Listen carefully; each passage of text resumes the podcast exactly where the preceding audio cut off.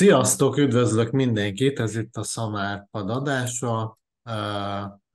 2023. március 30-a van, Oroszország 399 napja próbálja meg elfoglalni a szuverén és független Ukrajnát. Szakértő vendégem ismét Király András, a 444 újságírója, aki nagyon szorosan követi, elemzi és publikálja a háború eseményeit. Szervusz András, nagyon köszönöm, hogy ismét elfogadtad a meghívást.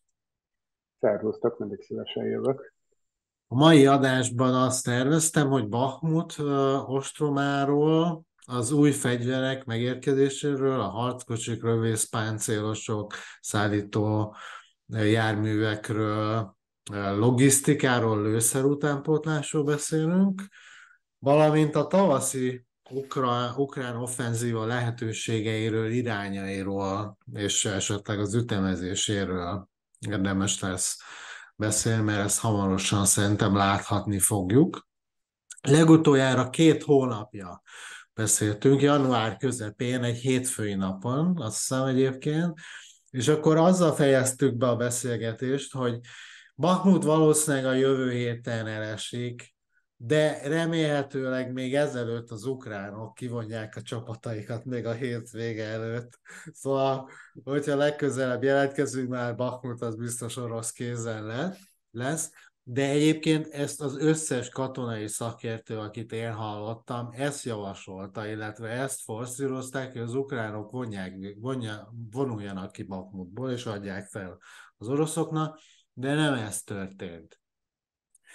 Az, hogy vajon miért nem ez történt, végülis ezt szeretném tőled megkérdezni, ugye nagyon sok uh, uh, válasz lehet erre, valószínűleg ezeknek az egyik kombináció lehet az igaz, de amiért keveset tudunk erről igazából az az, hogy a való, azért van, mert a valódi katonai helyzetet és pozíciókat, meg a veszteséget sem kívülről így nagyon nehéz megítélni, mert ez, ez a terület ugye vörös zónává nyilvánították nagyon régóta, újságíró, meg szerintem civil szervezet sem oda besetelti a lábát. A legközelebbi, ami, ahova, ahol voltak a Csassziv jár, azt hiszem, ami mondjuk egy olyan 10-15 kilométerre van onnan. Tehát előveszem ezt a térképet, jó, és megosztom. Nagyjából itt járunk, ugye január 15-e, ekkor Bahmud még nem volt, már Bahmutot támadták, Szoledárt éppen elfoglalták, ugye éppen ettől volt hangos, vagy ennek örültek ugye a Wagneriták, hogy ezt elfoglalták, és akkor Bahmut helyett tulajdonképpen. És akkor még Bahmut környékén is ők harcoltak főleg. Jól emlékszem? Igen, igen, igen, igen. Itt mielőtt elindulunk két két dolgot kiemelnék, amire érdemes figyelni. Az egyik a Bakmut feliratnál az M és az U közö, betű között áthaladó folyó, a Bakmutka, uh-huh. ami egy természetes védvonal a, a, a városon belül, a másik pedig a kelet-nyugati irányú sárga főút, uh-huh ami, hogyha egy kicsit kiebb zoomolsz, akkor látható, hogy ez, a, ez, ez volt, ez, ami Ivannivszkén megy át, a, a, a legfontosabb utánpótlási útvonal. Igen. Ennek a kettőnek a helyzetéhez képest érdemes figyelni, hogy mi történik a fronttal. Uh-huh. Ezen kívül a Bahmutba talán ez itt van még egy út, amin lehet. Ilyen kis dűlő, dűlőutak, ilyen dűlőutak vannak, szóval kertek alatt be, lehetett, be lehet jutni a városba, kertek alatt is. Uh-huh. De hát azokon azért nem feltétlenül lehet gyorsan vagy hatékonyan mozogni. Uh-huh. Na, elindítom ezt a lejátszást. Azt is érdemes figyelni, hogy Vol, lennek, lesznek olyan időpillanatok, amikor Bakhmutnál egyáltalán nem változik a, a frontnak a helyz, helyzete, pozíciója, csak onnan lehet látni, hogy változás van, hogy a szárnyakon uh, látunk majd változást. Elindult, ugye napok, naponként haladunk előre. a vörös vonal, vagy a vörös terület, amit elfoglaltak már az oroszok, a szürke, ahol ugye aktív harcok folynak. Itt lehet látni, hogy elkezdtek erősen, ugye nyomnak folyamatosan az oroszok ebből a, ebből a fő, ezekből a fő irányokból. Itt vannak Igen, az és itt ami, ami igazán lényeges, hogy a déli irányból, most már meg is érkeztek, uh-huh. Ivanivszkénél megpróbálják át elvágni ezt a leg, legfőbb ö, utánpótlási útvonalat, és itt látszik is a szürke terület, az már hozzáér az úthoz, ami azt jelenti, hogy ott, ott már gyakorlatban is felbukkanhatnak orosz katonák, viszont itt megnézem, ugye szinte végig két kilométeren belül vannak a főúthoz képest, vagyis aknavetőkkel is már be tudják lőni az utat, tűz, tűzellenőrzés alatt tartják az útvonalat. Szakszóval fejezzük ki.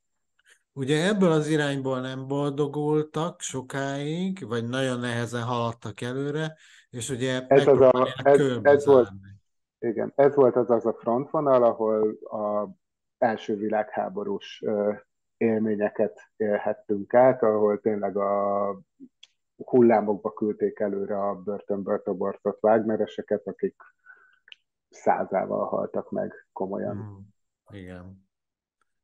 Ha haladjunk tovább, akkor lehet látni, hogy az ukránok azért próbálták ezt az utat tartani, amennyire csak tudták, mert ugye ez ugye az utánpótlás miatt, ez nagyon fontos nekik. Itt gyakorlatilag most hosszú ideig nem változott semmi. Itt telnek a napok. Ez volt az az időszak, amikor a Wagner kifulladni látszott, a brit mm. katonai felderítés is, meg a Institute for the Study of War is elemző is arról írtak, hogy kulminált a mhm. művelet, mm. hogy a Wagner saját erőivel ezt már nem tudja megoldani, és Prigozsin ekkoriban panaszkodott arra, hogy azért nem tud haladni, mert hogy a hadsereg nem ad neki tüzérségi lőszert. Mm, igen, és akkor voltak ezek a videók a social médián, ahogy ott ül a katonákkal, két, talán két ilyen tisztjével, és akkor erről beszélgetne. Hogy uh, ekkor már Prigozsin egyébként egyre elkeseredettebb volt, és akkor végül is, ahogy közeledünk itt márciusra, itt kezd bezáródni most már a... Igen, ezen a ponton, hogyha itt megállunk megint, akkor ugye itt, itt már ténylegesen indokoltnak tűnhetett, hogy kimenekítsék a városvédőit. Uh-huh. Itt most megint csak így Schwarz per kb-ra mondom, de olyan három kilométerre lehet a Ollónak a két szára egymástól. Uh-huh. Az átkarolás két szára, Hát Igen. négy. Majd, majdnem, majdnem, jól, majdnem jól tippeltem. Ez nagyon-nagyon szűk terület, tehát itt ténylegesen be tudják lőni komoly, ezt komolyan az fenyeget az, hogy, hogy ezt, ezt e, nem is az, hogy elvágják az utat, hanem hogy itt ténylegesen átkarolnak, és gyűrűbe, gyűrűbe zárják a várost. Uh-huh. És haladjunk tovább, és majd a végén befejezem a gondolatot, mert nem sok hátra. Jó, mindjárt eljutunk a mai napig, vagy lassan, cskán. Ugye ez tovább... Látszik, hogy, uh-huh. hogy látszik, hogy néha-néha, most értük el a Bakmutka folyót egyébként.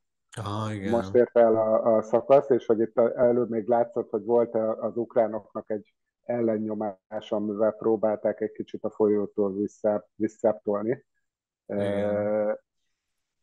Igen, szóval itt volt, igen, de szóval hogy itt látszik, hogy itt időről időre így, mindegy, szóval, igen, szóval a Bakmut folyó, ami egy természetes akadály, ez, uh-huh. ez még ott keleti irányból megfog, megfoghatta, és meg is fogta egy kicsit a frontot. Igen, igen.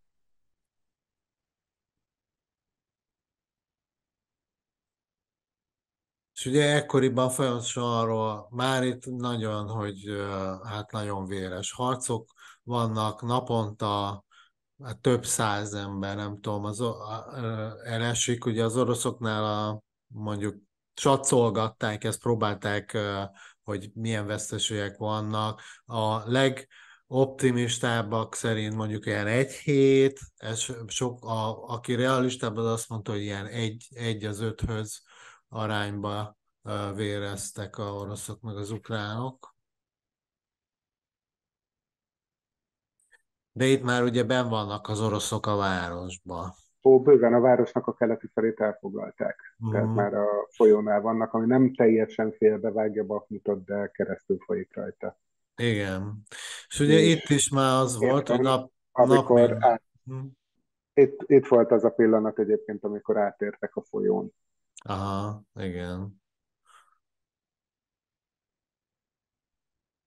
Közelbe húzom. Akkor mindjárt érkezünk a mához. Itt még egy, van egy víztározó, itt is átléptek. És most megint, most tartunk itt. Tehát Igen. még most sincs elfoglalva Mahmut. Azt mondja, hogy az úton még, hát nagyon neccesen, de lehet talán közlekedni, de vagy ellátmányba. Az látszik, az látszik itt, hogyha egy kicsit kizumolsz uh-huh. megint, hogy ennyire nem kell, hogy, hogy itt visszatolták, tehát a, a legkeleti csücskét a déli, déli szakasznak, a Tivanivszkénél, azt vissza, visszatolták az ukránok, tehát ott a, a, tényleg az útvédelmébe folytak harcok. Aha. Az ukránok igazából a szárny, szárnyak védelmére koncentráltak, uh-huh. mert hogy befejezem az előző gondolatot, a március elején kezdett gondolatot, Igen. hogy igazából egyetlen egy kemény feltétel volt a város feladására, az pedig az, hogyha nagyon-nagyon fenyeget a kör, körülölelés. Tehát addig, ameddig kertek alatt, akár egy orosz tűzellenőrzés alatt tartott úton ki tudják hozni a csapatokat, addig ez a döntés, ez igazából egy nagyon cinikus és ugye emberéletekben számolt költséghatékonyság ellenzés Aha. kérdése, amit itt te is emlegettél, hogy egy ukrán halottra hány orosz halott jut. Uh-huh. És ameddig ez a arány kedvező uh-huh. az ukrán szempontból, addig érdemes tartani a várost. Igen. És a... a mai napig, még ma is olyan mondások érkeztek a ukrán részről, hogy egyrészt a mai beszámolójában a vezérkar azt mondta, hogy értek el előre haladást az oroszok, ez egyébként a kódoltan a Bakhmutka folyó átlépésére utalt, de hogy még mindig olyan léptékű veszteségeket tudnak okozni nekik, ami műveleti szinten is hátváltatja az orosz hadsereget. Aha. tulajdonképpen ez a, ez a ráció ebben. Ugye február vége felétől már megjelentek kritikák, mert egyébként nem teljesen elzárt a város az újságírók elől. Nagyon bonyolultan, nagyon szigorú szabályok szerint be-bevisznek újságírókat, és rajtuk keresztül is jöttek a hírek, hogy a védők nagyon elégedetlenek, nagyon úgy érzik, hogy magukra vannak hagyva. Aha. Ugye itt jön a háború köde, ami ilyen szempontból így a perspektívára is igaz, tehát ők nyilván a saját maguk szűk perspektíváját érzékelték, és hát valóban magukra vannak hagyva, de abból a szempontból, hogy Bakmut annyit nem ér, hogy itt elit alakulatokat bevetve minden áron feltartóztassák az oroszokat. Uh-huh. Itt, itt az a lényeg, hogy lassítsák őket és véreztessék őket. A, az ukrán hadvezetés pedig az újonnan nyugaton kiképzett és feltetőleg jobban képzett alakulatokat, azokat visszatartja a fronttól. Uh-huh. Hónapok óta tartja vissza a fronttól, hiszen ezekre a csapatokra nagyon nagy szüksége lesz a tavaszi offenzívájában.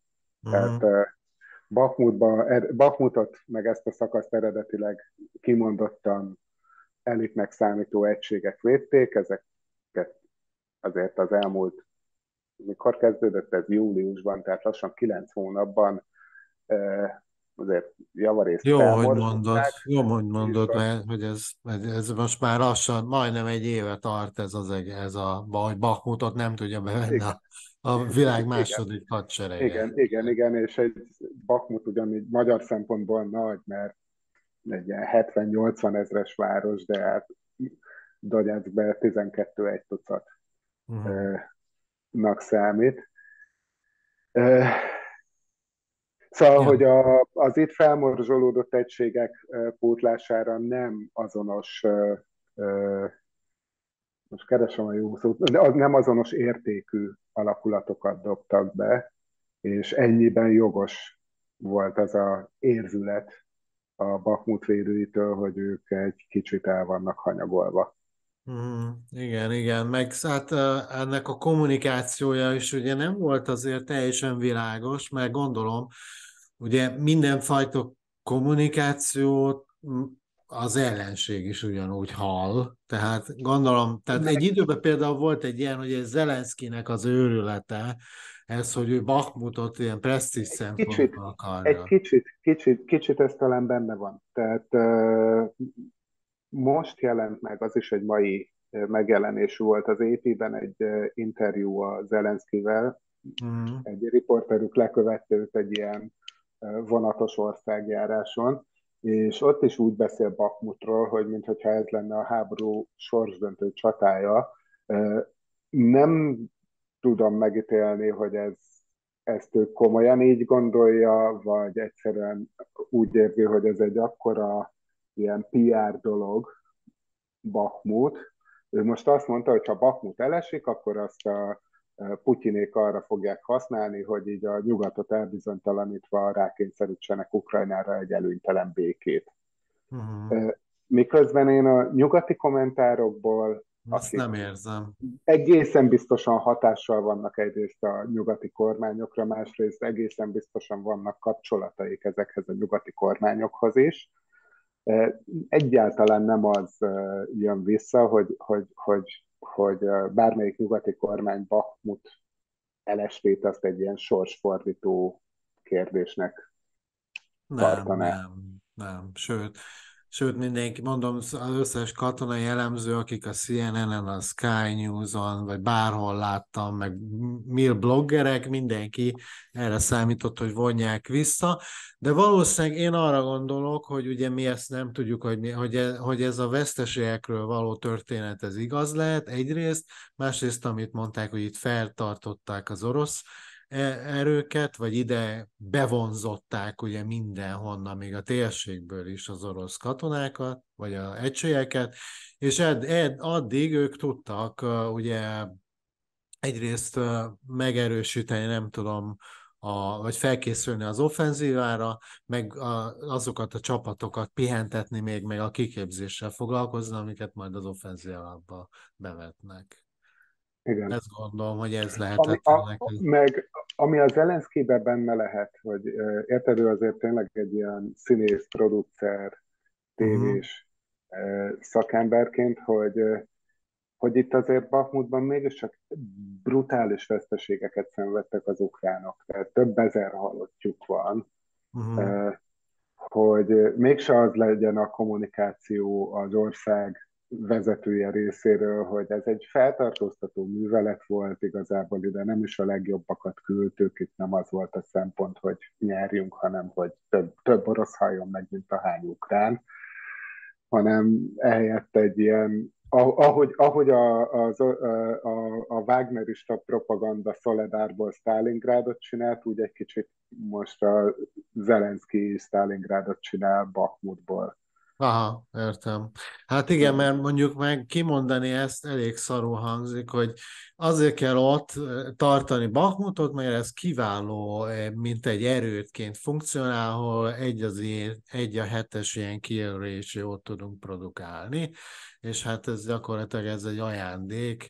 És ugye Napóleon azt mondta, hogy amíg a, az ellenzék az el, ne, ne szakítsd meg az ellenzéket, vagy az ellenfeledet, hogyha hibákat követel, hogy ezt hagyni kell, hogy hagy, ugye tolták be az oroszok ide maguktól Igen. az egységeket folyamatosan, ők se akarták ezt feladni. Igen, igen. Csak hát azért ez, hogy mondjam, igen, szóval hogy a háborúnak ezt a cinikus részét nem nem csak, hogy nem illik, de nem is különösebben előnyös kidomborítani. Mm. Így van. Ez nem tesz jót. Hő, a... Hősök kellenek. Mm. Viszont, ugye ahogy elértünk ide a végé, vagy a, a március végére, volt egy ilyen megtorpanás ebbe a Bakmutba, meg mintha az oroszok is látták volna, hogy ez nem megy, hogy ez, lehet, hogy ez nem fog egyáltalán sikerülni, és akkor elkezdtek északon, meg délen erősen támadni, főleg délen, itt ez az Avdivka térségében, meg Vuledár térségében. Jól igen, mondom? Uh, igen, itt tulajdonképpen három uh, támadás vagy offenzíva volt orosz részről.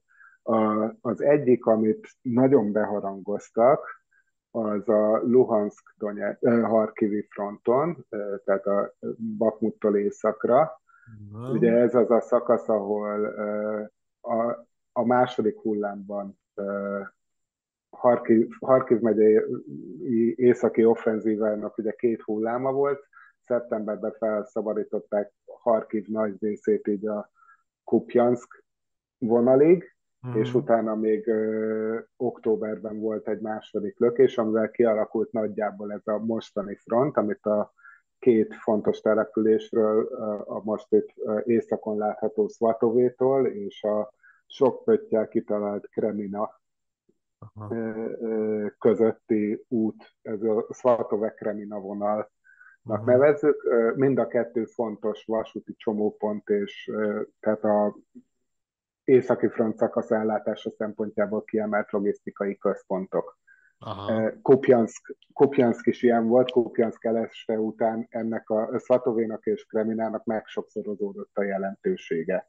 Uh-huh. Ezért is itt az oroszok még akkor a teljes összeomlásban is, kihasználva itt a földrajzi adottságokat, itt ugye a térképen topológiai térkép látjuk, hogy itt némi kis dombok is vannak, a hmm. folyó az nem látszik igazán, ezek a dombok egy folyónak a vonalában húzódnak, a Krasna folyó folyik itt, és ugye azt megjegyeztük már valamelyik korábbi vorrumban, vagy lehet, hogy erről a pont a Rácz Andrással a 444-es podcastban beszéltünk, hogy milyen furcsa, hogy változhat bármennyit a haditechnika, a, ezek a apró kicsi természetes vízfolyások a mai napig olyan komoly természeti akadályt jelentenek, hogy, hogy és ezek, ezek itt nem Tisza meg Duna méretű folyók, hanem ilyen zagyva nyáron folyócskákról beszélünk, hogy ezek is olyan természetes akadályt jelentenek, amiknél hónapokra le tud ragadni a front. És itt egyébként látszik a térképen is, hogy milyen mennyiségű erőket vontak össze az oroszok február elejére, és megindítottak egy támadást, ennek ugye nagyon sok előnye lett volna az ő szempontjukból, mert látjuk itt a Bakhmuthoz viszonyítva, akkor egy újabb, nagyobb átkarolás se is kibontakozhatna innen egy támadás. Másrészt ugye Donetsk megy egész területének a megszállása az a az talán az utolsó kihirdetett célja Putyinnak. Igen, most úgy néz ki. Luhansk és Donetsk megyék egészét megszerezzék. Na most azt látjuk, hogy ez egy február elején indult támadáshoz képest az oroszok egészen marginális területeket szereztek. Lényegében azt mondhatjuk, hogy amit két hónap alatt nagy erők bevetésével elértek, az az, hogy egy kicsit jobb pozíciókat alakítottak ki egy kialakult frontvonalon. Tehát Aha. jobban tarthatóvá tették ezt a frontot. Hát egy ilyen 10 kilométer, 7 kilométer, uh, ilyeneket. Nem, tehát Szvatovéig el se értek az ukránok, szóval, hogy, hogy tényleg, tényleg nem uh, haladt itt különösebben sokat a front. Aha. Legfeljebb, legfeljebb egy-két kilométerekről. Ez a benyúlás, ez a, ez a legrossz, leghosszabb része, ahol itt Kreminától keletre egy kicsit ö, ö, benyúltak. Itt. Aha. Nem, várj, de most lent vagyunk Bakmutnál, igen, ott. Aha. Ez a, ez, ez, ez a szakasz volt a leghosszabb, és mondom, hogy itt is egyébként eleve is egy kicsit púpos volt a front. Igen, hát ez nem volt. Hát ez az a lényeg, hogy ezek ez, ilyen napi ennek, 100 méterek, 50 méterek. Igen, méterek. igen, és hogy mondjuk ennek annyi jelentősége lehet, hogy, hogy ugye azt említettem, hogy jobb pozíciókat tudtak felvenni a frontvonalon, hogy, hogy ez a Luhansk északi része egy lehetséges iránya az ukrán tavaszi offenzívának. Aha. És ebből a szempontból lehet önmagán túlmutató jelentősége annak, hogy itt egy-két kilométerrel, vagy helyenként akár csak 50-100 méterrel, de arrébb jutottak, mert lehet, hogy egy jobban tartható domboldaluk lett, lehet, hogy nem tudom, beleütköztek még egy patakba, amit meg lehet támasztani, ebből a szempontból a jelentősége. Szintén februárban volt, és akkor most menjünk le a legdélibb részére ennek a front szakasznak, ahol már elfordul nyugatnak a front, Vukledár. Mm. Ott is február elején próbálkoztak. Az inkább, inkább egy ilyen tapogatózó támadás volt szerintem. Meg akarták nézni, hogy itt be tudnak-e menni. Stratégiai szempontból nehezen volt értékelhető, azért, mert hogyha egy kicsit kizumolunk, tehát látszik, hogy eleve ki kell zoomolnunk ahhoz, hogy egyáltalán találjunk egy olyan másik orosz, vagy olyan másik front szakaszt, amit egy innen indított támadás támogathatna. Ugye ez a legközelebbi, ez itt a Donetsk elővárosánál, Avdiivkánál délről kialakult kiszögelés, hát ez is rohadt messze van, ez mennyi, ez legalább 50 kilométer, de mondjuk 40 biztosan van. Aha. Mondjuk az a 30 odáig ezért. Hát 30. Ja, szóval, ez már az meg, igen, szóval, hogy, hogy ez, ez, ez így egyszerűen értelmezhetetlen. Egy itt indított támadás nem támogatja azt a front szakaszt, egy, semmilyen befolyással nincs erre. Ezt, ezt az utat akarják itt elérni, vajon? Vagy? És nagyon messze van. Szóval, hogy egyszerűen, egyszerűen nincs, nincs, nincs ilyen belátható értelme, ez egy ilyen mindentől, mindentől elkülönült próbálkozás. Uh-huh. Nem, nem, igaz, nem igazán értelmezhető. Itt az volt a marha érdekes, hogy egy eredetileg elitnek számító egységet, a 155-ös tengerészgyalogságot vetették be. Aha. Mondjuk az is igaz, hogy ezt az egységet ebben a háborúban már kétszer teljesen szétverték. Kievnél vetették be, Bucsárban, Bucsárban is járt ez a, az alakulat. A, tehát a tavaly áprilisban az ottani kivonulás után újjá kellett szervezni, utána Donetsk városa körül vetették be nyáron, és azután is újjá kellett szervezni. És itt pedig olyan katasztrofálisan olyan Ezek tengerész gyalogosok PSH-kkal? Ilyen... Aha, igen, igen, igen.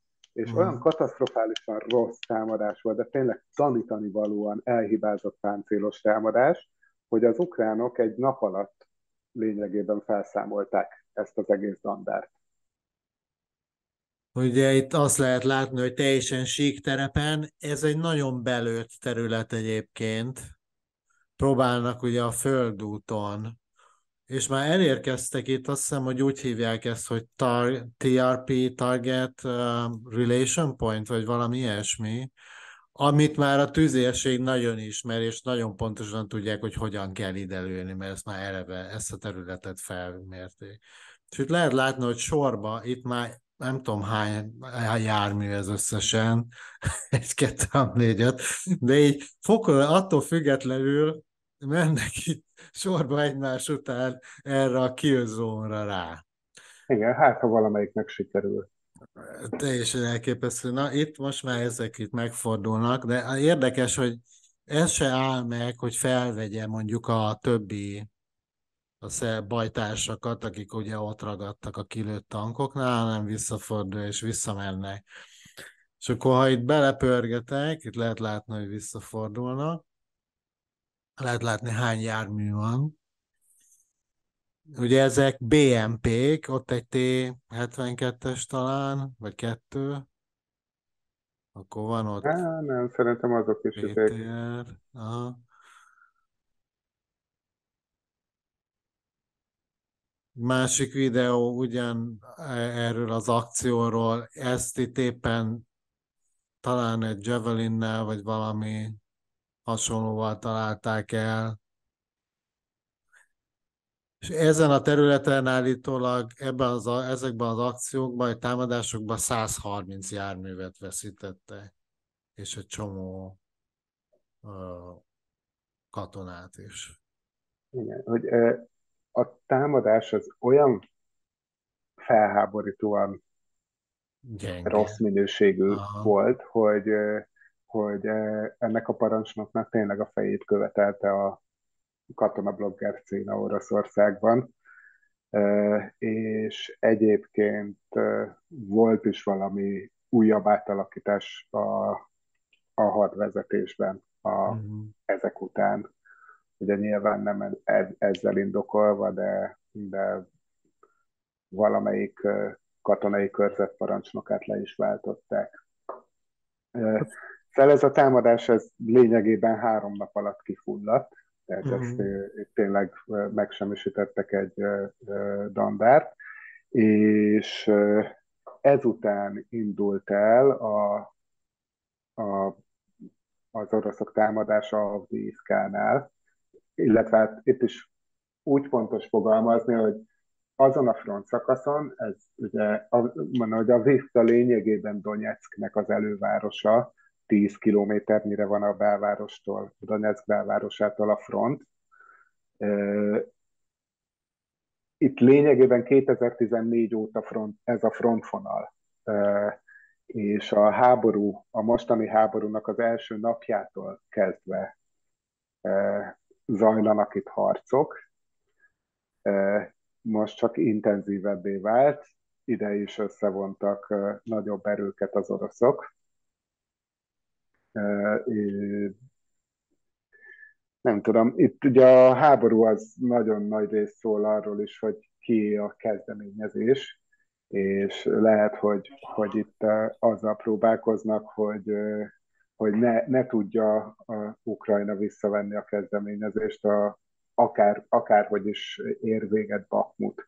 Mert a Bakmuti fronton az van, hogy még hogyha el is esik a város, ott az oroszok lendületből nem tudnak tovább menni. Tehát ott olyan, olyan szintű veszteségeik vannak, hogy, hogy ott biztos, hogy szünetet kell tartaniuk. Uh-huh. Igen, ez, a, ez az a videó, amire én gondoltam. Há, igen, vagy abból van, itt lehet látni, hogy olyan közel vannak egyébként egymáshoz, ilyet eleve nem lehetne csinálni. Ilyen közel haladni. Na, hogyha egyiket eltalálják, a másik nem tud tőle visszafordulni, érted? Kialakul megint egy ilyen dugó, valami hasonló történt itt is, és akkor senki nem megy sehova, mindenkinek megsemmisítik szépen egymás után a járműveit. Igen, ez, hogy az elejét és a végét kell kilőni, és onnantól kezdve Igen. Könnyű, Egyéb... könnyű dolog. Igen, egyébként az is le, lehet látni, hogy próbálnak megfordulni ezekkel a járművekkel, hogy, hogy nem tudnak, tehát problémáik vannak kezelni a járművet, vezetni, visszafordulni vele, rángatala lehet látni. Igen, és ebben az a különösen érdekes, hogy ezek a tavaly ősszel mozgósított katonák, akiket most vetnek be, de azok közül is azokat, akik azért valamennyi kiképzést már kaptak. Uh-huh. Mondjuk az kérdés, hogy pont tankra kaptak-e kiképzést, mert jöttek olyan hírek a frontról, ahol a tüzéreket ültettek be a BNP-be, meg hasonlók. De, hogy ezek, ezek a problémák is még mindig hátráltatják az orosz hadsereget. Uh-huh. De, de hogy, hogy papíron, papíron ez már nem, nem, az, nem az van, mint szeptemberben volt, hogy a szeptemberben besorozottakat azonnal bedobták a Harkivi frontra, úgyhogy életükben először, vagy mit tudom én, nem először, mert ez már ha katonaviseltek voltak, de hogy nagyon régóta először fogtak a kezükbe egy egyébként nem feltétlenül működő kalasnyikovot, hanem itt, itt most ez már a papíron kikétvett mozgósítottak, uh-huh. úgyhogy le, le, lehet, hogy lassan le lehet vonni azt a következtetést, hogy az orosz hadsereg erre képes. Uh-huh.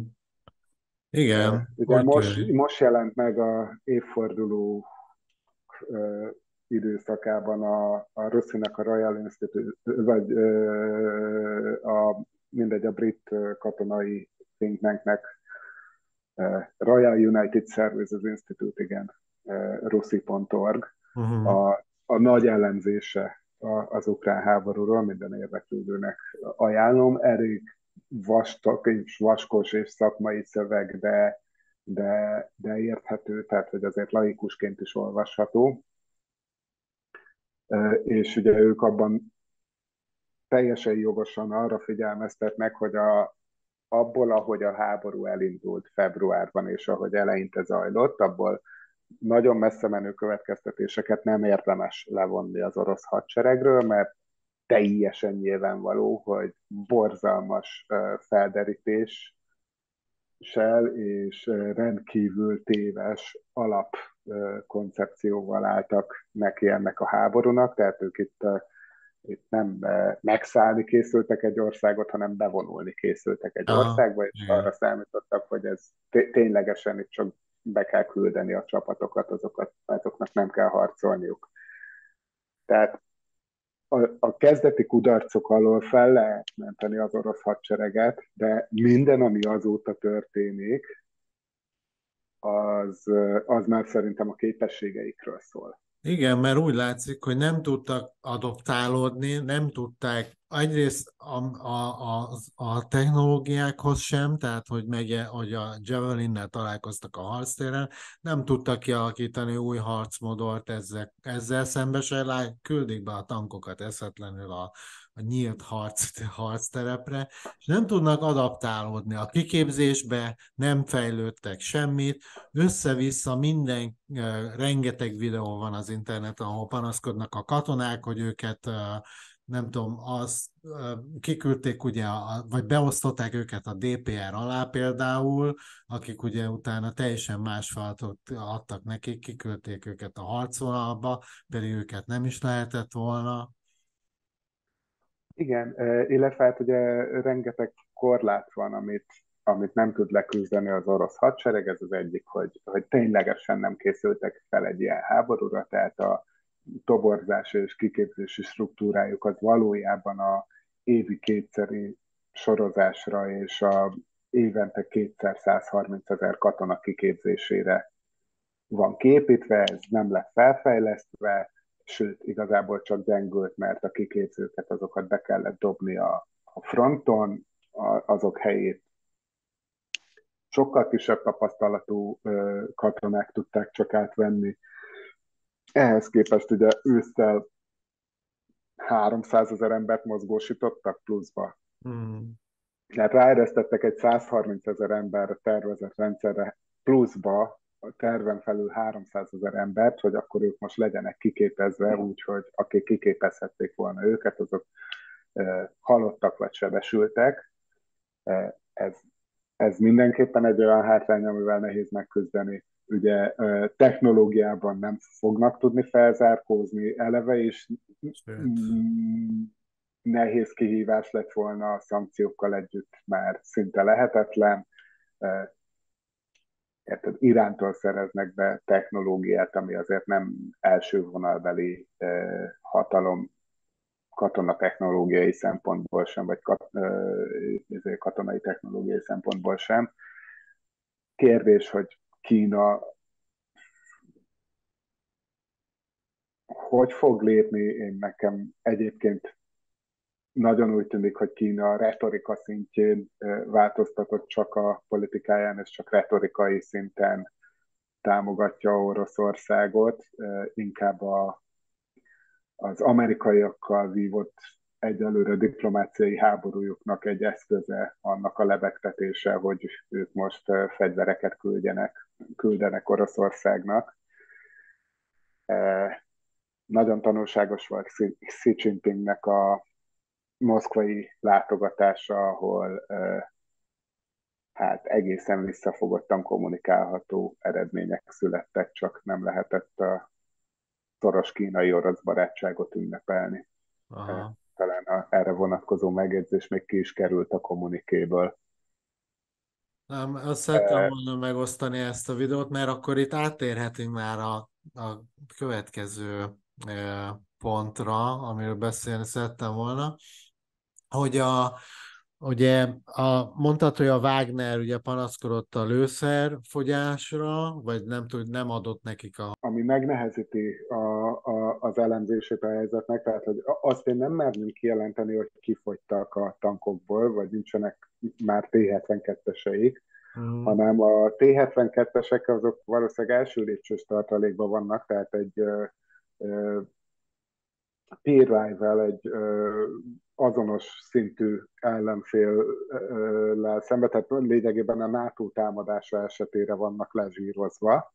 Aha. És ami Ukrajnában zajlik, az Oroszország hivatalos álláspontja szerint nem háború. Aha. Elképzelhető, hogy egyszerűen jogilag, vagy nem tudom, a saját szabályzatuk alapján nem vethetik be ezt a tartalékot.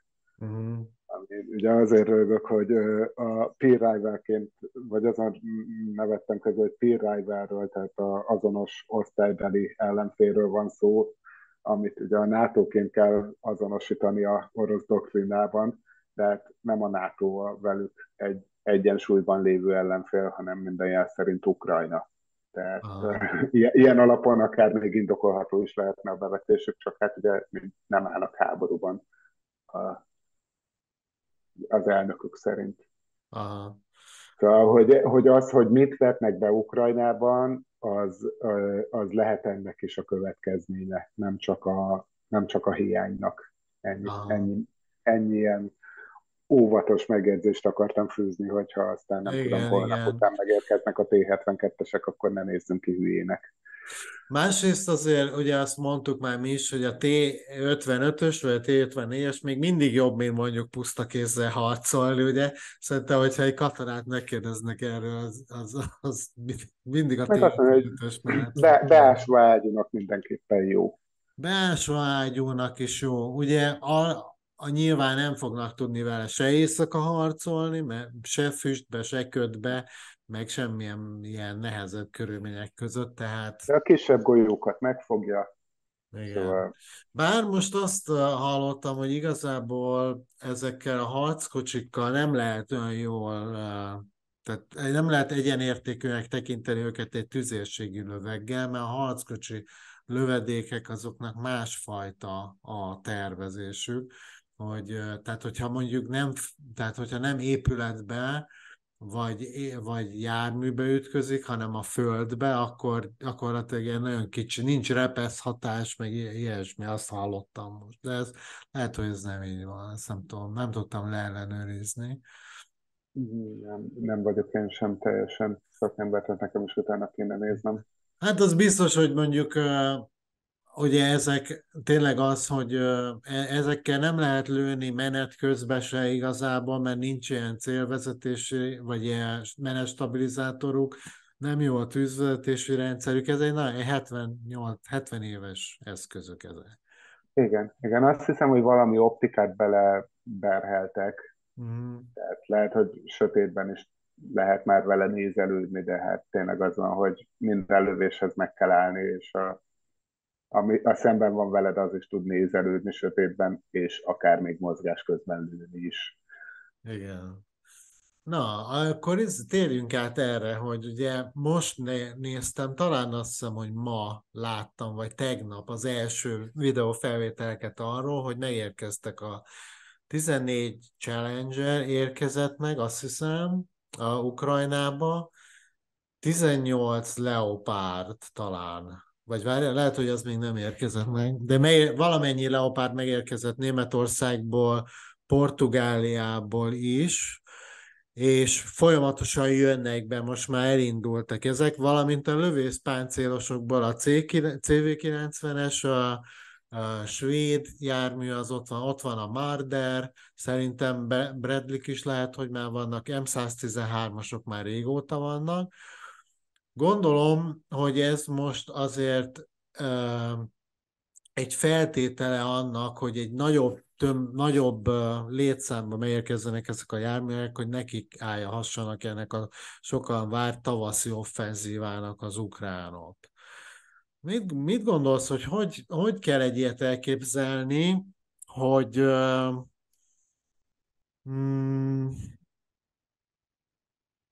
mennyi, mennyien jármű kell hozzá, milyen fel kell őket vonultatni valahova? Mindenképpen, hát az, hogy mennyi jármű, az, az nagyon, nagyon feladat specifikus. Ugye például a Challengerből van 13 darab, jól mondom fejből. 14, azt hiszem. 14, igen, a, abból annyit kaptak.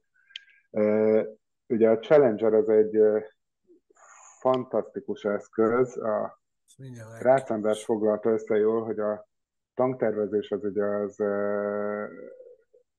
lényegében arról szól, hogy védelem, mozgékonyság és tűzerő, tehát ez a három szempont van, és az a lényeg, hogy ez a három együtt biztosan nincsen. Tehát egyszerre csak kettő tud lenni. Hmm. Legfeljebb. Tehát vagy nagy a tűzereje és mozgékony, vagy nagy a tűzereje és nagyon védett,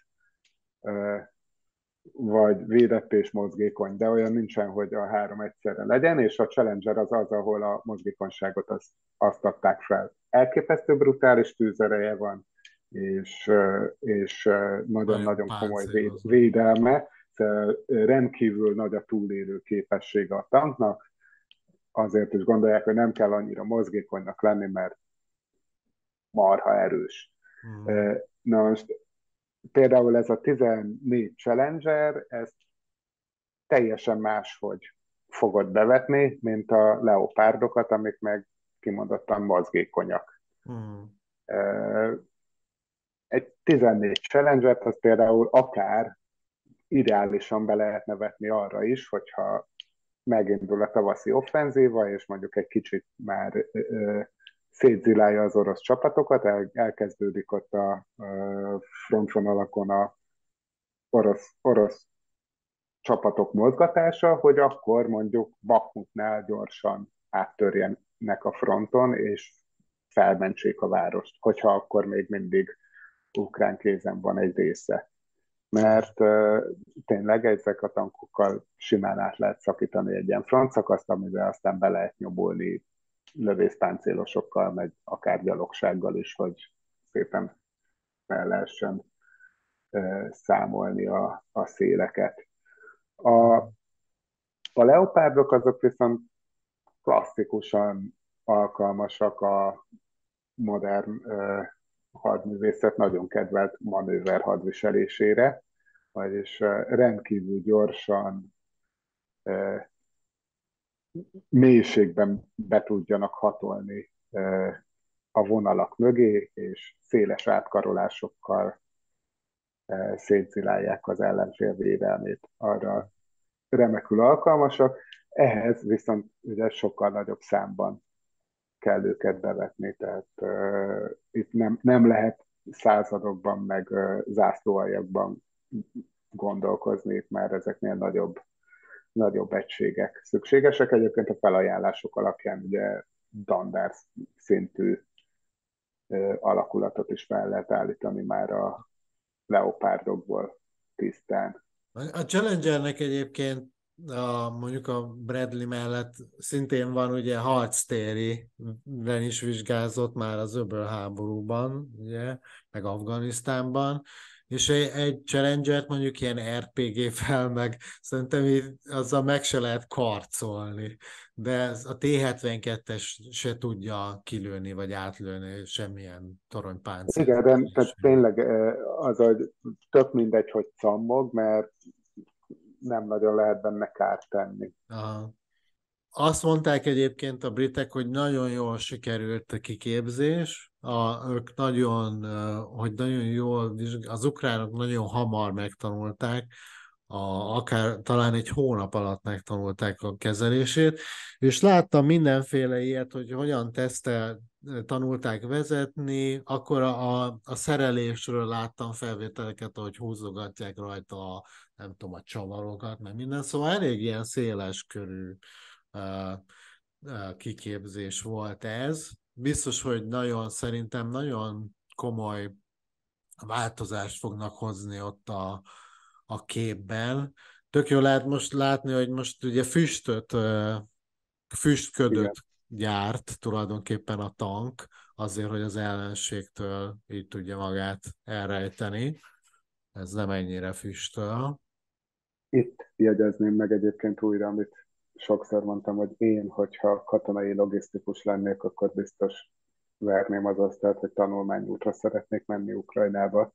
Aha. Tehát most a pán, páncélosból is annyi fajta lesz, hogy az, az megint egy nagyon-nagyon komoly logisztikai kihívás, hogy ezeknek a szervizelését, ellátását fent lehessen tartani. Igen. Az, ami, az, amit logisztikában az ukrán oldalon történik, és ebbe bele vonnám a Ramsteini egyeztető fórumot is, az, az egészen döbbenetes. Azt biztosan tanítani fogják a katonai főiskolákon. Hát ez, ez érdekes egyébként, hogy ezt azért három hónap alatt meg tudták ezt oldani, vagy nem is tudom, mikor volt ez, amikor a Challenger 2-t bejelentették? Hát az idén volt az már, igen. Idén volt. Is. Mm-hmm. Igen. És február elején volt szerintem, hogy a németek és kötélnek álltak, és a Leopard 2-ket. Igen, igen, igen, az, az, az, az, nagyon, igen, az február volt már. És igen. most már megérkeztek az első Leopardok a, kiké, a kiképzett személyzettel. Úgyhogy azért és az oroszok ugye most azt jelentették be, hogy ők tettek valami látogatást, mutatták, Medvegyev szokta ezeket csinálni, hogy elmegy a, a tankgyárba, és akkor ott csinálnak egy ilyen promóciós videót, hogy ott gyártják le a harckocsikat, hogy 1600 harckocsit fognak tudni három év alatt legyártani, ezt ígérték meg. Na most erre azt mondták a... 20 ezer armatájuknak kéne lennie, mert de amit legyártanak, az nem armata lesz, hanem az T-72. Persze. Igen. Erre azt mondták, hogy jó, hát körülbelül a, a száb most fel tudja pörgetni úgy a, az Enlo gyártását, hogy ők, ők le tudnak gyártani 1 millió 200 ezer darabot egy év alatt, és AT4-est. Ja nem, bocsánat, a következő három év alatt, tehát 1 millió 200 ezert. A Lockheed Martin a következő három év alatt 12 ezer Javelin-t fog legyártani. Hogy ezek csak a páncéltörő eszközök. És akkor még nem számoltunk arról, hogy mennyi harckocsit fognak ezek után önbeszállítani Ukrajnába. Úgyhogy hát szerintem azért az oroszoknak ez komoly kihívást fog jelenteni, mert nehéz lesz ezeket megállítani. És ugye a tavaszi offenzívára akár rá is mehetnénk már, hogy ennek a kommunikációja ugye zajlik már egy ideje, hogy vajon merre fognak, merre fog is indulni ez a tavaszi offenzíva. Beszéltünk erről, hogy sokszor, sokat szokták ezt emlegetni, hogy a Krímben kezdődött a háború 2000 14-ben? Igen. Igen, és ott is fog véget érni. Na most lehet, hogy itt fog véget érni, lehet nem, majd meglátjuk. Az a lényege, most itt átnéztem ezzel kapcsolatban, amiről már te is beszéltél, jobban itt a Krímnek a földrajzát, hogy gyakorlatilag de két helyen lehet bemenni a Krím félszigetre. Az egyik ez a Perekops földnyelv. Ez az egyik, ez egy 5 kilométeres szakasz, ez az egyik szárazföldön, a másik pedig itt van, ami ezt a részt úgy kell elképzelni, hogy ez egy a tenger által az apály meg a dagály függvényében ugye kicsit jobban vagy kevésbé elfoglalt terület, úgyhogy lehet, hogy apálykor esetleg itt megnyírik egy lehetőség egy ilyen kisebb, kevesebb alakulat bejuttatására. Ez Igen, használ... ugye itt, uh-huh. itt látszik, hogy miért szoktam azt mondani, hogy igazából az volt a hiba, hogy a Krimből ki tudtak jönni az oroszok. Tehát, igen, hogyha a háború elején vétett hatalmas hibát a Ukrajna, az kettő volt. Az egyik, hogy a Krimből ki tudtak jönni az oroszok, a másik pedig, hogy a Herszoni híd is állva maradt, és azon is át tudtak kelni az oroszok. Ennek, ennek a két dolognak nem szabadott volna megtörténnie. Igen. Mert ezt a krímet gyakorlatilag minden szakértő szerint szárazföldi úton borzalmas veszteségek árán lehet csak elfoglalni, ha el lehet egyáltalán. Ezt egyébként több, ha visszanézünk a történelemben, azt hiszem, hogy az 1850-es években volt a francia-brit ottomán csapatok az oroszoktól akarták el, ezt hívják krimi háborúnak elfoglalni, sikerült is elfoglalni, de nagyon hosszú idő alatt és nagy áldozatok árán. Aztán az 1920-as években a orosz a vörösök és a fehérek harcában, a fehérek voltak benne a Krimbe, és a, a, a vörösök nagyon-nagyon nagy áldozatok árán tudták elfoglalni, szintén itt nyomultak be, illetve ők uh, tudtak még itt a, a Kercsi szoroson keresztül, akkor még nem volt híd, de juttattak be csapatokat. Aztán 1941-42-ben a németek és a románok közösen 8 hónap alatt tudtak el, tudták csak elfoglalni a krímet, Szevasztopolig ugye tudtak lejönni, majd ezt 1944-ben visszafoglalták a szovjetek tőlük, de borzalmas veszteségek árán szintén. Szóval gyakorlatilag száraz földi csapatokkal csak légi és vízi támogatással ez csak nagyon nagy veszteségek árán lát, amit Ukrajna nem biztos, hogy meg, megengedhet magának. Igen, ráadásul itt az is van, hogy ugye van köztük egy jelentős jelenleg orosz megszállás alatt álló terület, és nincsen teljesen egyértelmű irány a Krim felé, uh-huh. mert uh, ugye Herson megyét azt uh, ketté vágja a, a Nyeper, uh, amin átkelni egyáltalán nem triviális feladat, uh, és hát semmi sem garantálja, hogy az oroszok elkövetnék ugyanazt a hibát, hogy állva hagyják a hidat, hogyha az ukránok megindítanának egy támadást. És akkor már csak a, innen a Tokmak irányából, tehát Zaporizsiából a Nyepernek a keleti oldaláról lehet elindulni, és hát azért az, az nagy távolság, az, az így sacra legalább 150 kilométert kéne ott megtenni. Mm. Ennél már sokkal reálisabb lenne, hogyha ugyancsak Tokmak irányába, szóval az az egyik, egyik potenciális ukrán támadási irány, de egyenesen az Azói tenger partjára, tehát Primorskhoz, Berdjanskhoz mm. indulnának le az ukránok, vagy hát mondom, hogy de ha szeretnek szimbólumokban gondolkodni, és mondjuk akkor Mariupolnál is meg, megvalósíthatnák ezt, uh-huh tehát hogy Mariupol irányába vágják át, de hogyha ezt a szárazföldi összeköttetést a Krímtől, Aha, vagy a Krímmel ezt megszakít, megszakítják, azzal, azzal nehéz helyzetbe hozzák az oroszokat. Igen, Tehát akkor a akkor, akkor azért itt ennek az te, teljes résznek a, az utánpótlása nagyon nehézkéssé válik. Viszont a hidegat azt már tudjuk azért, hogy azt tudják támadni, az, az szerintem fennáll. Egyébként azért is ez a híd, ez, ez necces, mert most például elkezdtek egy, a civil lakosság elkezdett kimenekülni a, a Krímből. És egyrészt az ingatlanaiktól is próbálnak megszabadulni, az ingatlan árak állítólag nagyon leestek most, és sokan próbálják eladni. És a, ezen a Kercső hídon keresztül ugye nagyon nagy az autó, ha nagyon nagy az autóforgalom, és történik egy baleset, akkor ott óriási dugó alakul ki, és akkor ott nem lehet egyszerűen közlekedni. Tehát azért ez nagyon sebezhető ez a Kercsi híd. Úgyhogy katonailag ugye ez lenne a logikus, amit mondtál, hogyha ebbe az irányból támog, elvág, megpróbálnak ezt meg, megszüntetni ezt a kapcsolatot a Krim el. Viszont ugye az oroszok is erre készülnek akkor. Hogy a... Igen, itt több, több védvonalat építettek ki, és ezeket már tavaly, hát tavaly nyáron már, már bőven építgették itt a harmadik és negyedik védvonalat is, tehát itt mélységi védekezésre vannak berendezkedve Aha. az oroszok. Hogyan lehet ez szerinted így, hogyan lehet így megoldani stratégiailag az, hogy ne legyen teljesen egyértelmű, hogy ők itt fognak támadni, vagy itt le tudják valahogy gyengíteni ezt a területet annyira, hogy, hogy kis, kicsi legyen az ellenállás.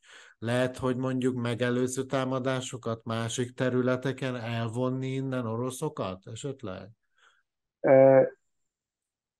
Igen, szóval lényegében a, az egyik lehetséges forgatókönyvet az ukránok tavaly ősszel már lejátszották, amikor uh-huh. ugye Hersonban júliusban megindították a támadásukat, az ugye egy ilyen nagyon-nagyon módszeres uh, támadás volt, elképesztő ukrán hírzárlattal uh-huh. egyébként, de ott a tüzérségük, az ukrán tüzérség az, az folyamatosan puhította a területet addig, hogy ugye meg tudtak indulni egy kicsit a most már felszabadított terület északi részén, ott a Nyepper mentén, mm. és amint ez, ott megindultak, az oroszok úgy döntöttek, hogy feladják az egész területet, mm.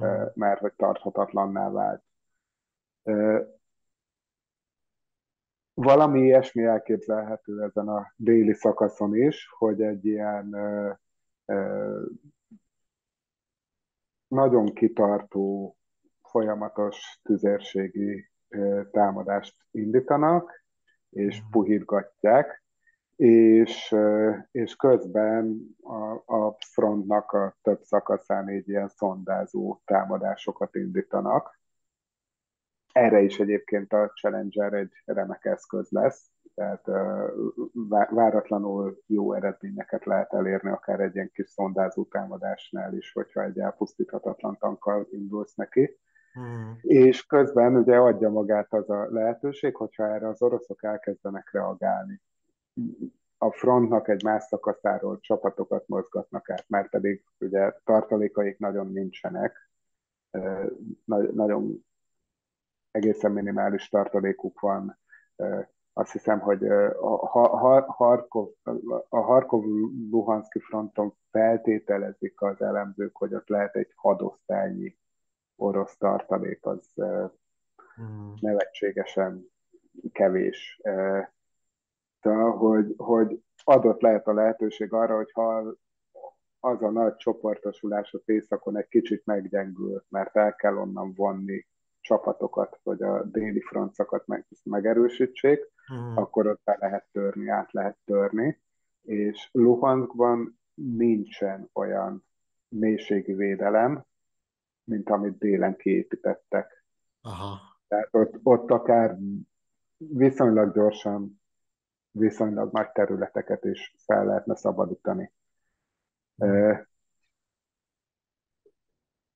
Egy Ez kicsit még adhatná magát, Adhatná magát egyébként még az is, hogy Bakmutnál támadjanak vissza, ami talán nem olyan egyértelmű, hogy miért, mert hogy ugye nagyszámú orosz alakulat állomásozik a város körül, de ezek 9 hónapos oszlomban nagyon le vannak harcolva. Itt, hogyha még sikerül is bevennék a várost, az oroszoknak biztos kell tartaniuk egy műveleti szünetet, hogy feltöltsék az alakulatokat, sőt, a különösen megtépázottakat, azokat visszavonják és újjászervezzék azok helyére, váltó alakulatokat küldjenek.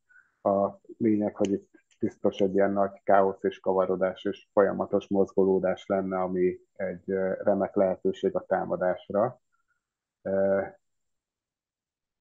Amit és és vé, itt védelmi vonalak sincsenek képítve, gondolom, mert ugye ők... Nem hiszem, hogy különösebben megvan, megmaradhattak ilyen lövészárkok, amikbe vissza lehet ugrani, de hogyha megindul egy tankroham, akkor az itt nagyon, nagyon gyorsan át tud szakítani mm. részeket. Mondjuk annak, hogy egy tankroham megindulhasson, ugye az, az nagyban az időjárás függvénye is. Igen olvadni már olvad, de száradni még nem igazán szárad fel a föld. És egyébként még bennem egy ilyen negyedik támadási irány, de ez már tényleg csak egy ilyen ö, teljesen szabad gondolkodás, hogyha nagyon trollkodni akarnának az ukránok, akkor Donetsk városánál is indíthatnának egy támadást, mert akkor mégiscsak egy Ukrajna háború előtt volt második legnagyobb városa volt talán Donetsk, de ja, biztos, hogy benne volt a, a top 5-ben. Aha, meg az nagyon hír, igen, az nagyon ismert is Donetsk, ugye a Shakhtar Donetsk futballcsapat miatt is. Igen, igen, szóval, hogy Donetsk visszafoglalása az kommunikációs szempontból biztos, hogy hatalmas ukrán siker lenne. És Ugyanígy viszont a orosz propagandának meg egy nehezen megmagyarázható veszteség. És az nagyon közel van a front vonalhoz, ha jól látom. Jól látom? Igen, igen, mondom, hogy a belvárostól nem messze húzódik a, a frontvonal, és hogy Avdívkát azt tulajdonképpen tekinthetjük Donetsk elővárosának. Aha, e, ja, tényleg. Aha. Igen, szóval hogy ez, e, e, itt a Donetszki reptérnél húzódott a 2014-es front. Aha. Donetsk repterénél folyamatosak voltak a belövések és a, az összecsapások, tehát az annyi, annyira így a város, város közelében van a, a frontvonal. Uh-huh. Na jó, most De... ezt nem találom. Na mert ha már repülőgépeket szóba hoztad, ugye ez az offenzívához azért jó lenne, ha tudnának légitámogatást is nyújtani az ukránok, meg hát régóta ugye szeretnének a F-16-osokat, meg A-10-eseket. Most kaptak még 29-eseket a Szlovákiától és Lengyelországtól, de vajon milyen esélye van ennek egyébként, hogy át tudjon egy ukrán pilóta ülni egy ilyen A-10-esbe?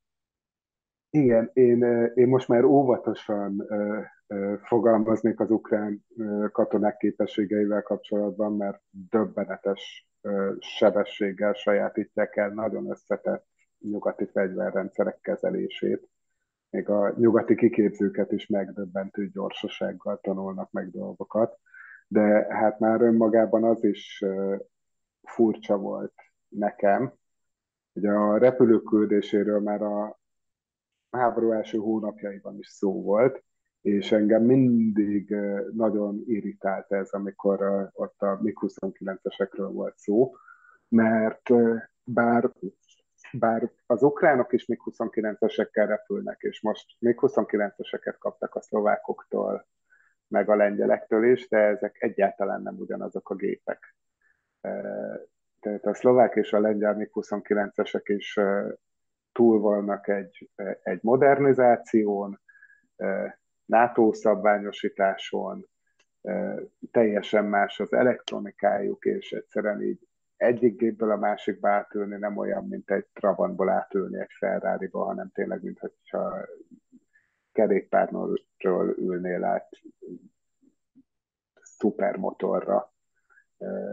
Nem, egy, egyáltalán nem triviális, és most ehhez képest átülni egy, egy FH18-asba vagy egy A10-esbe, az, az kicsit, kicsit sem magától értetődő, tehát teljesen más kezelőfelület, teljesen más logika alapján épül fel, meg a repülő tulajdonságok, a repülési tulajdonságok is nagyon eltérők. Pedig mennyire hasonlít az F-18? igen, igen, igen, igen. Van két szárnya, meg ilyen álló farka függőleges vezérség, bocsánat. És ugye ezt a finnek már konkrétan azt hiszem, hogy meg is ígérték, hogy ők az F10, nem tudom hány, valami 20 alatti darab F10. Igen, aztán volt valamilyen kis visszakozás abban, hogy már mint hogy elvben, tehát hogyha döntés születik róla NATO vagy nyugati szövetség szinten, akkor ők adnak. Aha. Nem, nem az volt, hogy adunk, hanem hogyha, hogyha közös döntés születik, akkor, akkor ők abba beszállnak. Jó, hogy mondtad az F-18-ast egyébként, mert az az előbb nem jutott eszembe, de ugye a neke, akiket én nézek, mi a bloggereket, az mind A10-es követel, mert ez, ez az, ami uh, hangsebesség alatt.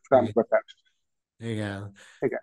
Igen. Ami harctámogatást tud nyújtani. Igen, mert hogy a MiG-29-es az egy csodálatos elfogó vadász, hatalmas hasznát vehetné Ukrajna, hogyha az orosz hadsereg vagy az orosz légierő kiterjedt légiműveleteket végezne az ország fölött, de nem jellemző mm. az orosz légierő jelenléte. Mindenképpen arra tökéletesen alkalmas az F, vagy a MiG-29-es is, hogy távol tartsa a továbbiakban a Su-25-ösöket, orosz Su-25-ös csatarepülőket a, a fronttól, mert hogy azokkal szemben nagy fölényben van légi harcban. Ez nagyban növeli az orosz ö, csatarepülők bevetésének a, a kockázatát, árát. Ö, az A10-es ezzel szemben a magá, magának az offenzívának lenne nagyon hasznos. Ez egy klasszikus csatarepülőgép, tehát tényleg földi, föld, földi harc támogató repülőgép, azon belül is egyébként egészen speciálisan egy, tényleg egy célszerszám, egy tankgyilkos, lényegében egy hatalmas gépágyú köré van építve az egész gép, tehát ez nem, nem azért néz így ki ez a repülő, mert valaki azt gondolta, hogy nem marha jól néznek ki így egy gép, és tervezünk egy ilyen gépet, hanem mert azt a feladatot kapta a tervező, hogy itt van ez a írtózatos méretű, nagyon pusztító 30 mm-es, egyébként 6 csöves, forgócsöves rendszerű Vickers gépágyú, ezt a levegőbe kéne juttatni, és fenntartani ott a levegőben, hogy tankokat lehessen lövöldözni vele és ebből lett ez a nem véletlenül varacskos disznónak nevezett és nem túl vonzó repülő, ami hogyha talán a legkedvencebb fegyverem a világ összes fegyvere közül, amiben minden redundáns, olyan páncélzat van rajta, hogy azért így a szárazföldi csapatok által bevetett fegyverek egy jelentős részének képes ellenállni, képes Igen. túlélni. E, így ugye láthatjuk, hogy egyébként ez egy kétmotoros gép, de nem azért kétmotoros, mert két motorra van szüksége ahhoz, hogy e, repülni tudjon, a, hanem azért, hogyha az egyik motorját kirözik, akkor legyen egy másik, amivel ah. tovább tud repülni. Tehát egy motorral tökéletesen elrepül. E, nem, nem feltételre a két motor tényleg arra lett kitalálva, hogy közeli harctámogatást tudjon nyújtani, tökéletes a tankok ellen, de egyébként bármilyen földi célpontra nagyon hatékonyan bevethető. Annyira jó volt ez egyébként, az öböl háborúban rengeteg tankot meg e, semmisítettek vele, iraki tankot, de, rá, de, de Friendly Fire-ben is azt hiszem, hogy élen jártak egyébként. Igen. Ami egyébként most eszembe jutott, ami több kisköltségű lenne, és nincsen az a nagy, komoly kiképzési akadály, hogyha rákeresel Super Tucano, az afgán légierőnek ilyeneket vettek. Mm. Ez szintén egy nagyon nagy kedvenc fegyverem. Az F-35-ös vitának szereplője volt a Super Tucano, mert még mondjuk egy F-35-ös miután izé, hangsebesség fölött berepül a afgán harcintérre, akkor ott talán két percet is eltölthet a Aha. szárazföldi csapatok támogatásával. Ez egy turbólégcsavaros könnyű repülőgép, órákon át ott tud keringeni a harcmező fölött, és közeli tűztámogatást nyújtani a csapatoknak. Mivel egy turbólégcsavaros gépről van szó, nagyjából aki egy mezőgazdasági permetezőgéppel repült az életében, az el tudja vezetni. Uh-huh. Tehát a kiképzési nehézség az elenyésző egy átüzeshez képest. Két személyes, tehát a fegyverkezelő az egy másik ember, nem kell tudnia repülni annak, aki a fegyvert kezeli. És hát rendkívül olcsó bármilyen sugárhajtású géphez képest, tehát töredékébe kerül akár egy leharcolt MiG-29-esnek is, tehát ebből tucatjával tudnának küldeni az ukránoknak, vagy akár százával is tudnának küldeni, és nagyon-nagyon komoly támogatást jelentene mm. szárazföldi műveletekhez. Szóval, csak hát ugye nem olyan szexi, mint egy F-18-as, tehát hát, igen. Nem, nem, nem ezt szokták követelni, nem tudom, én, én én lehet, hogy ezt követelném az ukránok helyében. Jó ötlet. Ugyanakkor ez is itt van rajta, póttartályozható, mint hogy lehet... Póttartályozható 762-esnek 20 mm-es, tehát 762-es géppuskája 20 mm-es gépágyúja van, konzolokra pedig rá lehet rakni egy csomó rakétát. Aha. Ennek ez lehet a gépágyúja itt? Azt hiszem az az, igen. Aha. Igen. És akkor itt van neki még több ilyen Kon- pilon. Konzol, ahol, ahol igen, rakétákat lehet. Olyan, azt a UB blokkot, azt a... Igen, és egyébként itt uh, Ukrajnában, ahol ugye saját hátországa van, ott nem is kell póttartályozni feltétlenül. Aha. Aha, Tehát persze. még plusz, plusz rakéta hely. Igen, Aha. szóval most a táliboknak, táliboknak vannak ilyenjük. ja.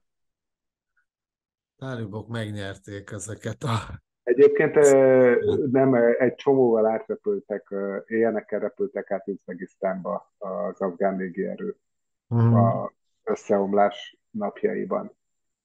De valószínűleg a javát azt elvitték. Uh-huh.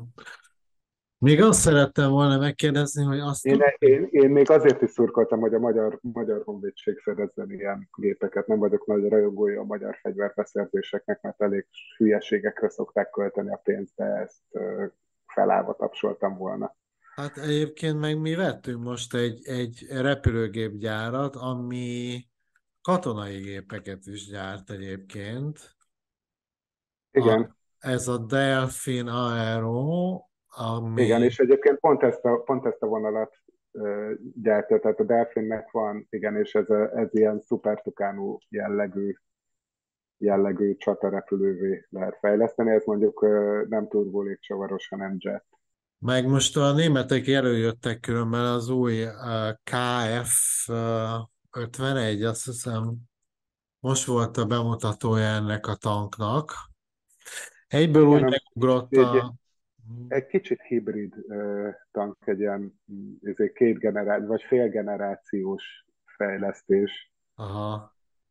De igen, igen, szóval ők, a, ők már a Leopard 2 leváltásán dolgoznak. Igen, de ez már eladó ez a tank egyébként, és, igen. és azt is a Rheinmetall de... Ja, egyébként, ha már a magyar honvédségi beszerzések, hogy az megvan, hogy az ukránok most két generációval újabb Leopard ráketeseket kapnak. Tehát mi A4-eseket vettünk, az ukránok meg A6-osokat kapnak.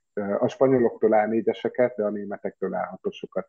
Aha. Nem tudtam. És ez is tök érdekes, hogy amikor ennek próbáltam utána járni, hogy miért pont A4-eseket veszünk. Az A4-esek azok 8, 1980 előtti fejlesztésűek, az A5-ös az 82-es fejlesztés.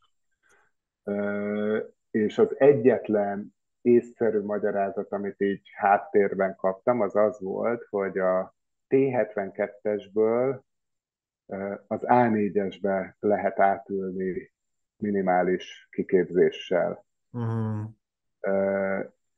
Na most ehhez képest az ukránok át tudnak ülni az A6-osba is pár hónap után. Uh.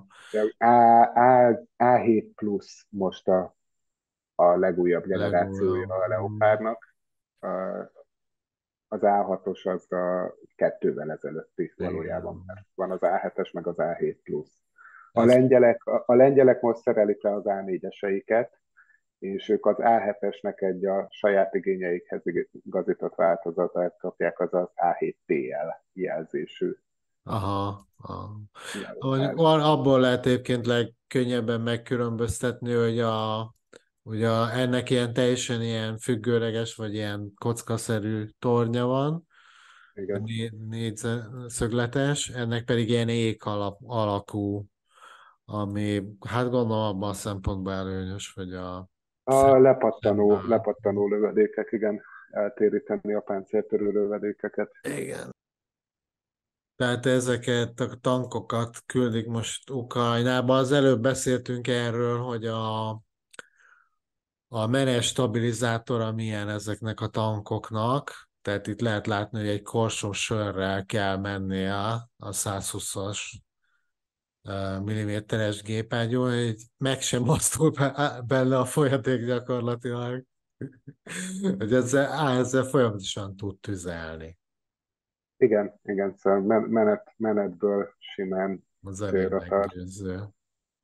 Várj, még annyit mondja, akkor zárjuk azzal, hogy szerinted Ugye ez most azért hetek, még innen hetek telhetnek el, mire akcióba lehet látni azért ilyen, ilyen harcocsokat. Szerintem ha, még az offenzíval nem is fog megindulni a, az előtt.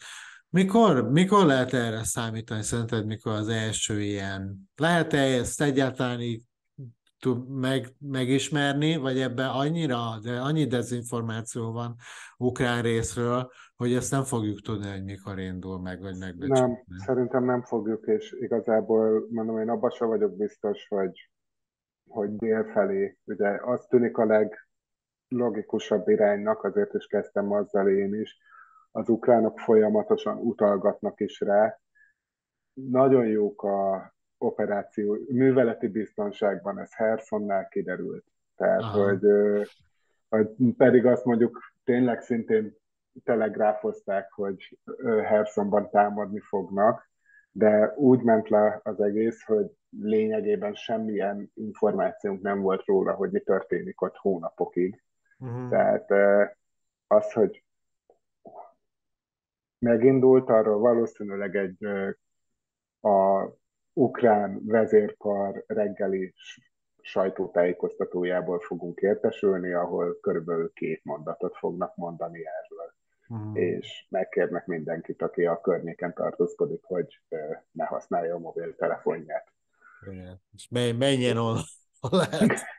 igen, igen, igen, szóval ö, egészen minimális ö, információnk lesz a kezdeti szakaszáról mm. ennek a támadásnak.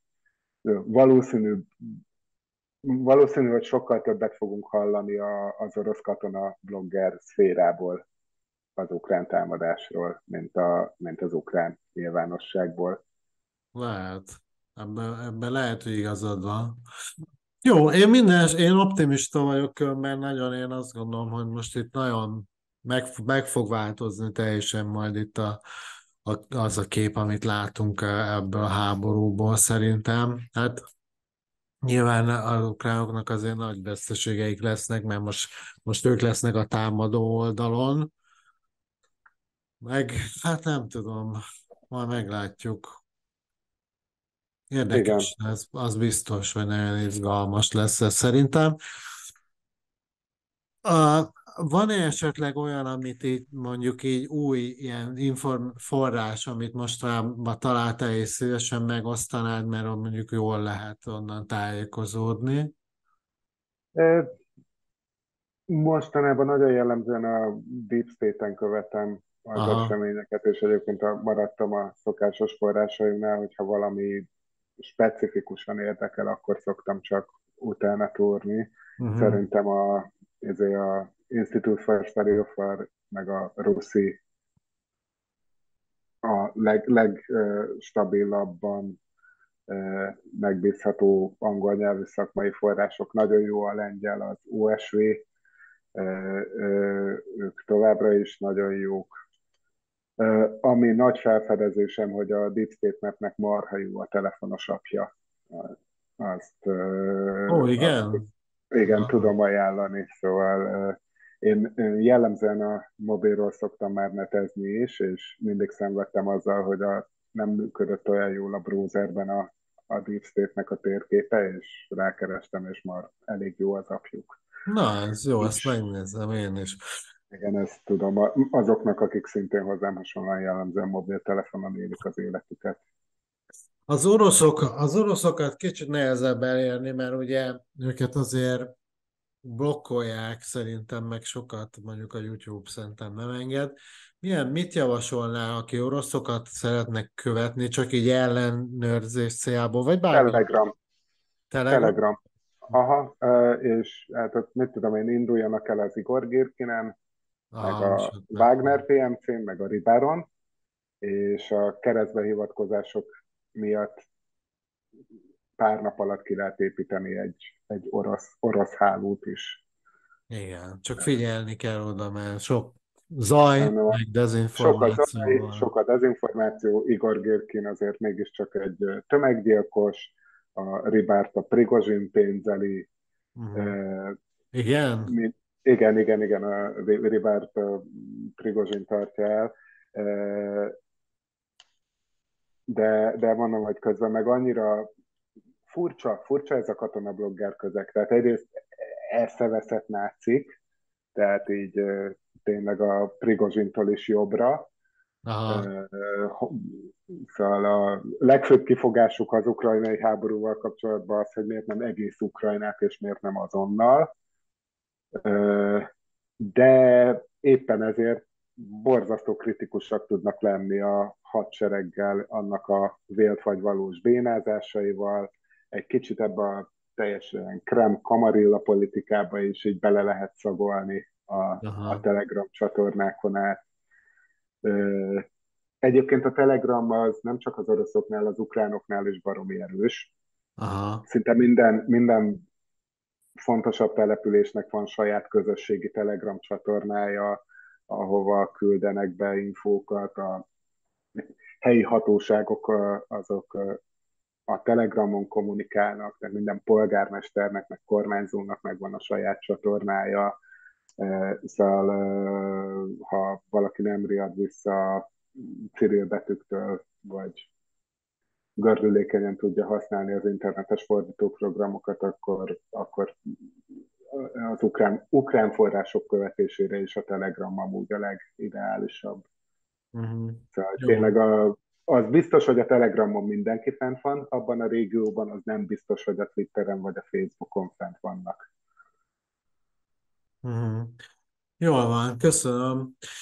Köszönöm a figyelmet, a nektek pedig, a tehetitek iratkozzatok fel, kövessétek Király András cikkeit a 444-en, illetve uh, Rácz András gyakran publikál nálatok nagyon, Szúróvecillés is jókat szokott írni, azt szoktam olvasni én is. Gazda Albertnek vannak nagyon Gazda jó, Albert, ő, ő úgy általában is foglalkozik a térséggel, tehát a, az ilyen ukrajnai háborún túli kis finom politikai mozgásokat az Albert nagyon hmm. éles szemmel követi. És volt egy jó riport, amit nem régen láttam a 24.hu-n Jászberényi Sándorra. Nagyon érdekes az is, mert ő volt ugye Ukrajnában többször már azt hiszem, mióta a háború kitört, és Hát egy ilyen elég jó a hangulatáról magának, hogy milyen most a hangulat Ukrajnában, meg ez az egész háborús közeg jó ilyen rálátást ad. Én még két nevet ajánlanék a nézők figyelmébe. Az egyik Milas Gergő, a Telex munkatársa, aki e, széles ismeretekkel és e, nyelvtudással is rendelkezik, és nagyon e, gyakran jár kint Ukrajnában, és az ő állandó társa, az én régi kedves indexes kollégám és barátom, Huszt István fotográfus, akinek, vagy fotóriporter, akinek nagyon megrázó és megható felvételei vannak az ukrajnai háborúról, őket feltétlenül érdemes követni. Ők voltak ott pont Csaszívjárban, ha jól láttam, azt hiszem. Igen, meg Hersonban is nagyon hamar jártak a hmm. felszabadulása után, és jó srácok. Oké. Okay. Köszönjük még egyszer mindenkinek, szervusztok, majd hamarosan jelentkezünk. Hello! Én, is köszönöm, sziasztok!